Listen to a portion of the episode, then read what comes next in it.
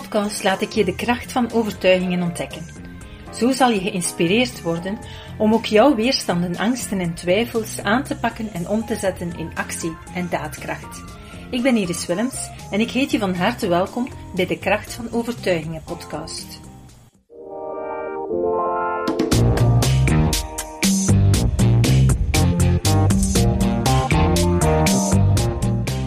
Deze aflevering hebben we het over het feit dat we soms zeggen: Ik heb geen geld om iets te doen. Bijvoorbeeld geen geld om een opleiding te volgen, geen geld om advies in te huren, of geen geld om een bepaalde klus te laten uitvoeren, of om een bedrijf op te richten, of om een bepaalde investering in mijn bedrijf te doen, of om um, jezelf eens te verwennen. Het kan van alles zijn. Maar heel vaak is de uitspraak: Ik heb geen geld om. En de vraag is dan: waar besteed je dan wel je geld aan? Want er zijn ongetwijfeld zaken waar je geld naartoe gaat, waarvan je misschien denkt: Ik kan niet anders. Dat zijn levensnoodzakelijke zaken waar ik mijn geld aan uitgeef. En er schiet niets over op het einde van de maand om mij nog iets anders te gaan uh, ja, toekennen. En dan moet je even nadenken van waar geef je dan eigenlijk wel allemaal geld aan uit? Het kan zijn dat je zegt van, oké, ik heb een internetabonnement. Ja, maar dat heb ik nodig voor mijn job. Of uh, ik heb een gsm, een, een smartphone. Maar misschien kan je kijken van welk soort smartphone koop je dan. Wil je altijd de laatste nieuwe? Of koop je een tweedehands? Of, een, uh, of heb je een, een goedkoper model? Waar ben je mee tevreden? Waar steek je je centen in? Wil je in de duurste snufjes gaan investeren om toch maar mee te zijn met de tijd of juist niet? Hoeveel geld besteed je aan je wagen? Zijn daar geen zaken die je misschien niet nodig hebt of minder nodig hebt? Had je misschien niet net een optie minder kunnen nemen of een, een, uh, een type iets minder duur gaan nemen? Je kiest natuurlijk zelf en je bent helemaal vrij om zelf te oordelen waar je je geld aan besteedt. Maar het is wel belangrijk om te beseffen als je uitspraken doet als zijnde ik heb geen geld om in mijn bedrijf te investeren of in mezelf te investeren of om zelf um, hulp of ondersteuning in te schakelen, dat je dan gaat nadenken dat je toch je geld die je verdient ergens anders aan besteedt en dat je je prioriteiten wellicht ergens anders zet. Hoeveel geld besteed je aan je huis? Hoe groot is je woning? Misschien heb je een zeer grote woning gekocht of misschien uh, veel te groot dan wat je nodig hebt of kon je eigenlijk wel misschien nog even langer huren in plaats van meteen al een, eh, een, een, dure woning te gaan kopen. Um, misschien besteed je je geld aan merkkledij, omdat je dat belangrijk vindt en dat je denkt, merkkledij is betere kwaliteit. Misschien denk je dat wel. Of misschien gebruik je heel veel drank of sigaretten en vind je, ja, ik kan niet zonder, een mens moet toch iets hebben om van te, van te genieten in het leven. Dus er zijn eigenlijk wel heel veel zaken die elk van ons op een andere manier gaan doen. En elk van ons heeft zijn prioriteiten. En op zich is daar niets mis mee. Maar als je in één domein klaagt omdat je onvoldoende hebt van iets, dan is het belangrijk om je te gaan afvragen waar besteed ik het dan wel aan en waarom geef ik daar prioriteit aan. Dus sommige mensen zeggen van ik heb geen geld om advies in te huren of om het te laten begeleiden of aan zelfontwikkeling te doen of een nieuwe opleiding te vormen met te herscholen om een andere job te kunnen vinden. En toch besteden ze dat geld aan bijvoorbeeld elke avond een fles wijn of een pakje sigaretten of wat dan ook, iets wat hen eigenlijk niet vooruit helpt. Dus ook daar zitten overtuigingen achter. Overtuigingen als zijnde, wat ben ik waard? Um, wat gun ik mezelf? En waarom gun ik het mezelf? Dus ik zou je aanraden, als je daar tegenaan loopt, om zeker een overtuiging te gaan inprenten als zijnde, als ik investeer in mezelf, dan zal ik er meer voor terugkrijgen. Ik zelf heb toen ik uh, nog aan het studeren was, had ik uh, voor mezelf als doelstelling gesteld dat ik mijn, mijn studies in eerste zit wou slagen. En ik was een zeer harde en ijverige student. En ik uh, studeerde 16 uur per dag in de blokperiode en in de examens nog wat meer. En ik had dus net voldoende tijd om nog even iets te eten en wat te slapen. En dat was eigenlijk het enige wat ik deed in die blokperiode. In mijn overtuiging zat, als ik hard genoeg werk en als ik maar lang genoeg doorwerk, dan ga ik er wel geraken. En het resultaat was dat ik door uh, zoveel te studeren en zo hard te studeren en lang te studeren, dat ik halfweg de examens ziek werd. Ik kreeg spierpijn, koorts, allerlei griepsymptomen. En ik dacht dat het werkelijk griep was. Ik ging dan uh, toch wel naar het examen, omdat ik dacht van, ik, ik ga niet opgeven, ik, ik wil zeker mijn, uh, eerste zit halen. En ik kwam op het examen en ik kreeg eigenlijk het blad papier voor mij en ik kon geen letter op papier schrijven. Ik had een totale blackout. En die totale blackout die had natuurlijk te maken met, met het feit dat ik um, chronisch me uitgeput had en te veel in stress had en daardoor mijn immuniteit verzwakt was en dat ik ziek werd. Maar ik zelf beleefde dat niet als stress. Ik, had, ik was nooit zenuwachtig, ik lag niet wakker. Um, dus ik besefte en ik zag de link toen ook niet. Mijn overtuiging was, als ik hard genoeg werk, dan zal ik er komen. En die overtuiging was eigenlijk belemmerend, want die maakte dat ik over mijn grenzen ging en dat ik dus eigenlijk daardoor ziek werd en dus juist mijn resultaten niet behaalde. Maar um, wat is er nu gebeurd? Mijn eerste jaar heb ik dan mijn tweede zittijd gehad en in die tweede zittijd was ik er dan wel door. Maar mijn zelfvertrouwen nam af. Ik begon meer en meer te twijfelen. Want als ik al zo hard studeer en ik raak er niet door in eerste zittijd, misschien ben ik dan niet intelligent genoeg. En dus die overtuigingen groeiden door, door die tegenslag, door het feit dat ik er niet door geraakte. Ik was er dan wel door in tweede zittijd en in mijn tweede jaar herhaalde zich het verhaal opnieuw. Ik studeerde zeer hard, want ik durfde niet minder. En mijn zelfvertrouwen was dus ook nog lager, dus ik ging nog meer studeren. En ik kreeg weer um, griepsymptomen, allerlei kwaaltjes. En ik, uh, ik had weer een blackout, waardoor ik weer tweede zittijd had. In tweede zittijd er dan wel doorgeraakte, enzovoort. En ik voelde van, ik was, al, ik was al aan het zoeken naar oplossingen. Ik had al geprobeerd van mijn studiemethode bij te schaven enzovoort. Maar dat hielp allemaal niet. Um, dus ja, het, het, lag ook aan het feit dat mijn overtuiging was van hard studeren en harder werken, dan kom je er wel. En dat ik daardoor over mijn grenzen heen ging. En in de loop van uh, mijn, tussen, mijn derde, tussen mijn vierde en mijn vijfde jaar kwam ik ja, op de hoogte van een, een opleiding die er was in het buitenland. En ik dacht, uh, die interesseert me wel. Ik was ook wel wat sceptisch. Um, ik, ik, twijfelde van, hmm, is dat niet de alternatief? Is dat, niet, is dat wel rationeel genoeg? Want ik ben ook, ondanks het feit dat ik psychologie gestudeerd heb, ben ik ook wel een, een heel rationeel denkende persoon. Um, en daarom twijfelde ik wel, maar ik, ik, dacht toch, ik ga dat doen.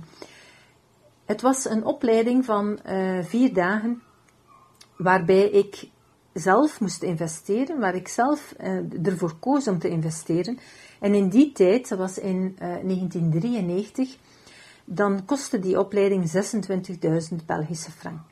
Dat komt ongeveer overeen met een 600 euro op dit moment.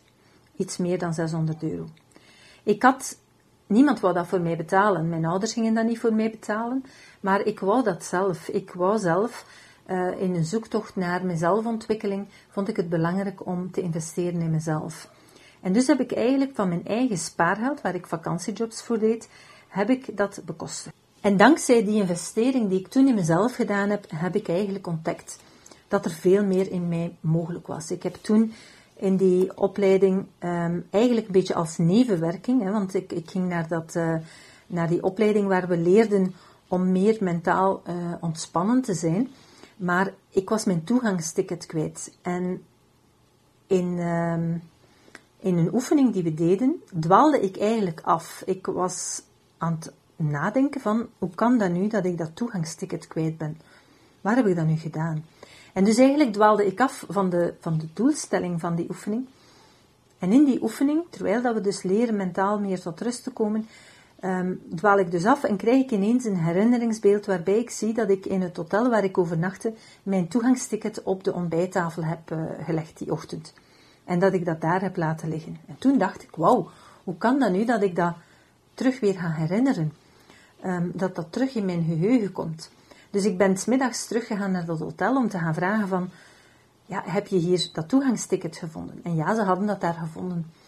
En ik heb toen het besef gehad van, wow, als ik die technieken gebruik, dan kan ik eigenlijk meer uit mijn brein, uit mijn geheugen naar boven halen. En ik ben dus meteen beginnen experimenteren om die methodes ook toe te passen in mijn studies, om beter te onthouden en ook om beter te reproduceren. En dat heeft ervoor gezorgd dat ik eigenlijk voelde van, dit werkt hier echt wel zeer goed. En dat ik na een maand of twee oefenen met die technieken besliste om mezelf ook in te schrijven voor een bijkomend jaar, het, het aggregaat, om les te mogen geven. En normaal ging ik dat, ja, moest ik dat na mijn vijfde jaar doen. En ik besliste, ik ga dat meedoen samen met mijn vijfde jaar.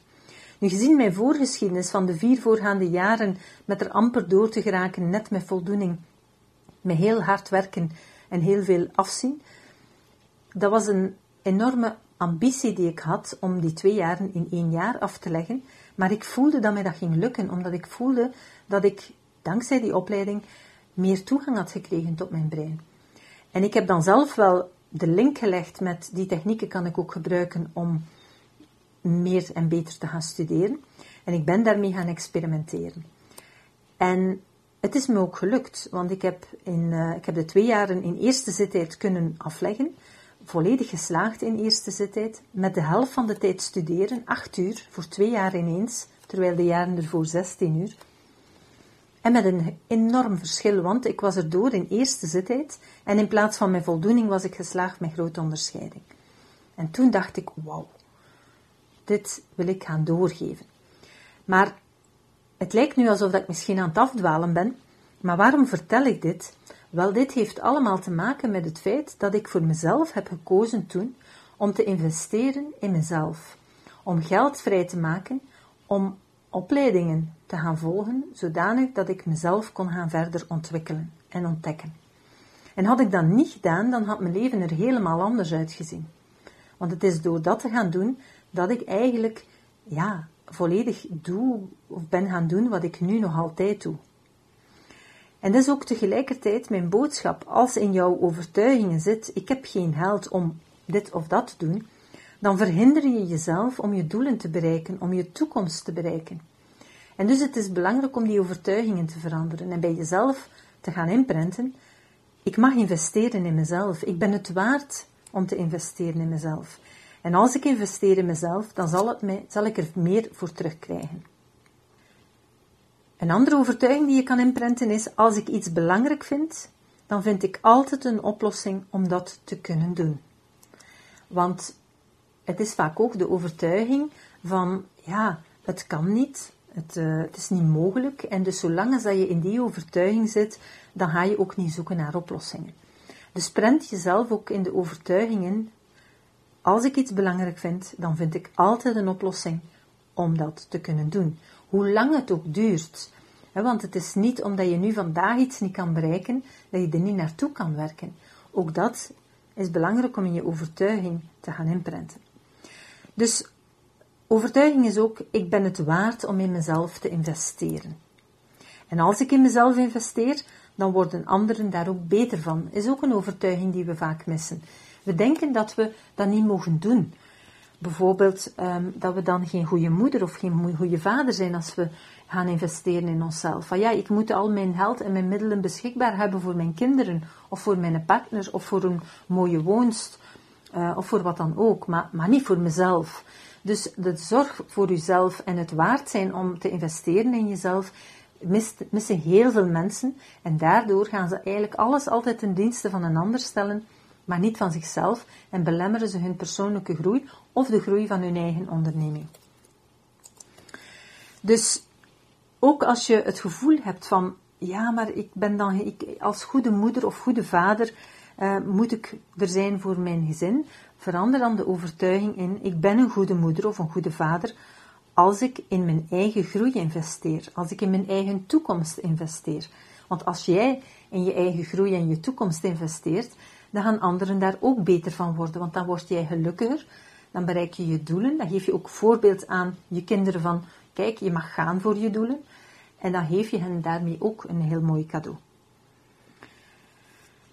Wat je ook kan gaan inprenten is, ik geef het goede voorbeeld aan mijn kind als ik durf te gaan voor mijn dromen.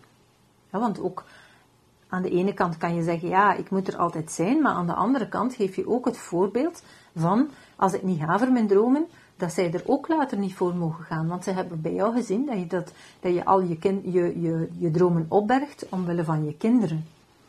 Dat gaat zich vaak ook uiten in frustratie. Van, ja, door de kinderen kan ik mijn dromen niet gaan realiseren. Waardoor kinderen soms met een schuldgevoel zitten van ja, het is door mij dat zij niet gaan werken is, of dat ze niet dit of niet dat gedaan hebben.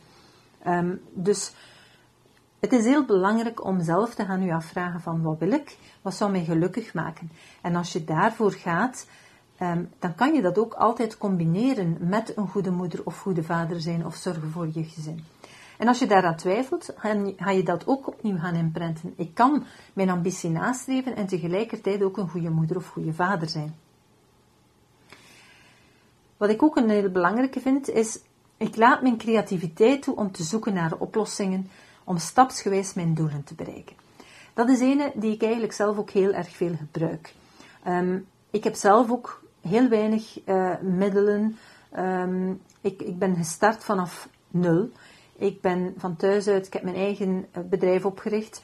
Ik heb van thuis uit niets meegekregen. Ik heb zelf mijn eigen spaarcenten bijeen verzameld door vakantiejobs te doen. En ik had al van bij het begin een vrij grote droom. Ik had de droom om een eigen seminariecentrum uit te bouwen met meerdere zalen waar bedrijven en mensen konden uh, vertoeven om zichzelf te komen ontwikkelen, om vergaderingen te organiseren in een heel sfeervol kader, in volle natuur. En ik had daar een, een zeker idee van, van waar ik naartoe wou. Maar ik had geen enkele euro op mijn spaarrekening staan. Dus dat was een lange termijn doel. En ook dat is heel belangrijk. Durf te dromen, durf te gaan voor je dromen. En als je dan denkt, ja, maar dat kan ik niet, want ik heb geen geld. Ja, ik kan ook nooit zoveel geld hebben, want het is veel te duur om dat te gaan realiseren. Dan belemmer je jezelf, dan, dan, dan blokkeer je alle mogelijkheden. Ondertussen zijn we nu um, 25, 26 jaar verder. En al sinds 10 jaar hebben wij een, een hoeve, een vierkantshoeve met verschillende seminarieruimtes in volle natuur, met, uh, in de Vlaamse Ardennen. Met eigenlijk hebben we al een heel groot deel van onze dromen. Hè. Ondertussen is, is, het ook een droom van, van mijn man geworden die ik uh, ondertussen ontmoet heb. Maar aanvankelijk mijn droom is ondertussen al voor een heel groot stuk gerealiseerd. En ondertussen uh, zijn we nog aan het uitbreiden en aan het groeien. Maar dat allemaal te danken aan het feit dat ik die droom had en dat ik altijd blijven dromen ben, of gaan ben voor mijn dromen. Stapje per stapje. En gaan kijken van oké, wat moet ik gaan doen om te gaan sparen, om kleine dingen, beginnen bij kleine stapjes. Die hoeven is er ook niet de eerste jaren en niet de eerste tien jaren gekomen. Maar als je niet begint en niet opbouwt naar een plan toe, dan zal je het ook nooit gaan bereiken. En alles heeft te maken met jouw overtuigingen. Als je denkt dat je het nooit bij elkaar kan gaan verzamelen of nooit kan bij elkaar sparen, dan zal je het ook nooit verzamelen. Als je je geld altijd aan andere dingen spendeert, dan ga je dat natuurlijk ook niet kunnen. Dus het zijn keuzes die je maakt. Waar besteed jij je middelen aan? Geef je dat uit aan drank, aan alcohol, um, aan, aan, aan drugs, aan roken, aan hokken, aan wat dan ook? Dan ben je dat kwijt. Dat is geld die je geen twee keer voor iets anders kan gaan gebruiken. Geef je dat uit aan heel dure kleren, aan heel dure auto's, dan ben je dat kwijt. Als je daarvan geniet, als je dat tof vindt en als dat jouw leven is, dan is dat prima. Maar als je andere dromen hebt waarvan dat je dan denkt van ik heb het geld niet om dat te realiseren, dan ja, dan moet je gaan kijken van wat weerhoudt mij om ervoor te zorgen dat ik dat ga opbouwen, dat ik ga kijken van hoe kan ik mezelf bijscholen, hoe kan ik gaan bijkomende jobs gaan doen, hoe kan ik sparen voor mijn toekomst, voor de dingen die ik wil. Um, en dan ga je jezelf regelmatig tegenkomen, want in deze podcast vertel ik over heel veel overtuigingen. En je zal ook wel merken dat ik bij mezelf heel veel overtuigingen heb moeten aanpakken door geen Hans mijn leven. Anders had ik niet gestaan waar ik nu sta um, overtuigingen rond financiële middelen, rond, um, rond succes mogen hebben. Uh, dergelijke zaken komen allemaal nog aan bod in volgende podcasts. Maar die heb ik allemaal moeten aanpakken. Want als jouw overtuiging niet goed zit, dan beperk je jezelf en dan kom je niet tot de juiste resultaten. Dus een van de overtuigingen die ik mezelf heb eigengemaakt is van, ik vind voor alles een oplossing. Je hoort mij dat bijna in elke podcast terugzeggen. Ik vind die cruciaal. Ik vind voor alles een oplossing. Ik ben ook creatief genoeg. Ik laat mijn creativiteit toe voor het zoeken naar die oplossingen. Ja? En stapsgewijs bereik ik daardoor mijn doel. Een andere overtuiging die ik mezelf heb ingeprent is ook, ik kan mijn doelen bereiken met weinig middelen. Want heel vaak is de overtuiging: ik heb heel veel geld nodig om iets bekend te maken. Ik heb heel veel geld nodig om een bepaald iets op de markt te brengen. Dat zijn overtuigingen die je belemmeren. En natuurlijk is het gemakkelijk als je veel geld hebt. Maar tegelijkertijd is het ook een valkuil. Want als je veel geld hebt, ga je niet meer nadenken waar je dat geld nuttig en zinvol kan besteden. En dan ga je het heel vaak nutteloos en roekeloos gaan weggeven. Dus als je weinig geld hebt, kan je vaak met weinig middelen op een creatieve manier te werk gaan, waardoor je, je toch je doel kan bereiken en toch naar buiten kunt komen met je nieuwe product of met je idee.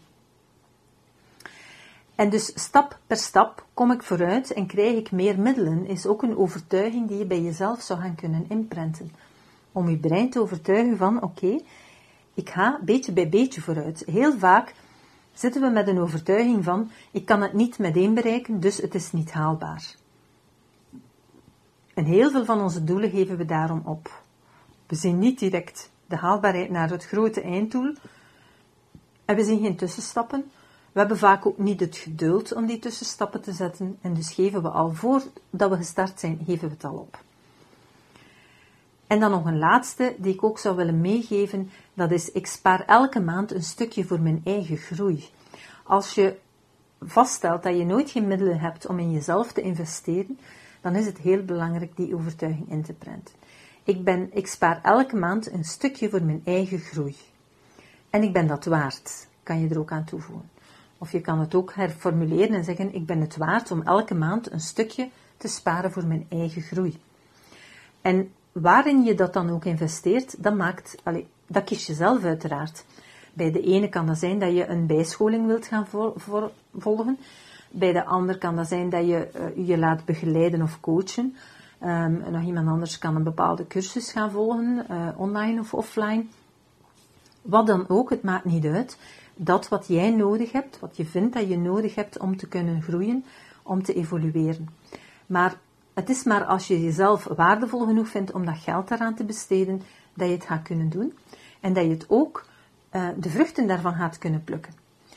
En opnieuw, heel vaak denken we, we besteden van alles voor een ander, maar voor onszelf, ja, daar gaan we dat dan geen, geen geld aan besteden. Dus uh, durf voor jezelf geld vrij te maken om in je eigen groei, je eigen ontwikkeling, maar ook in je eigen plezier, je eigen amusement um, iets te investeren.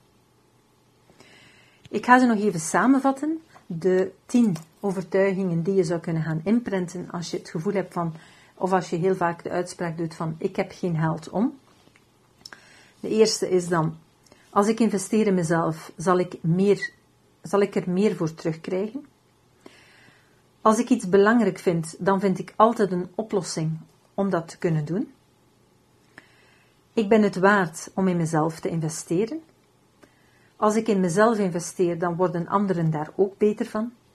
Ik ben een goede moeder of vader als ik in mijn eigen groei investeer of in mijn eigen toekomst investeer. Ik geef het goede voorbeeld aan mijn kinderen als ik durf te gaan voor mijn dromen. Ik laat mijn creativiteit toe om te zoeken naar oplossingen om stapsgewijs mijn doelen te bereiken. Ik kan mijn doelen bereiken ook met weinig middelen. Stap per stap kom ik vooruit en krijg ik meer middelen. En ik spaar elke maand een stukje voor mijn eigen groei. Ik hoop je met deze overtuigingen terug geïnspireerd te hebben, dat je aan de slag kan gaan. Prent die overtuigingen in.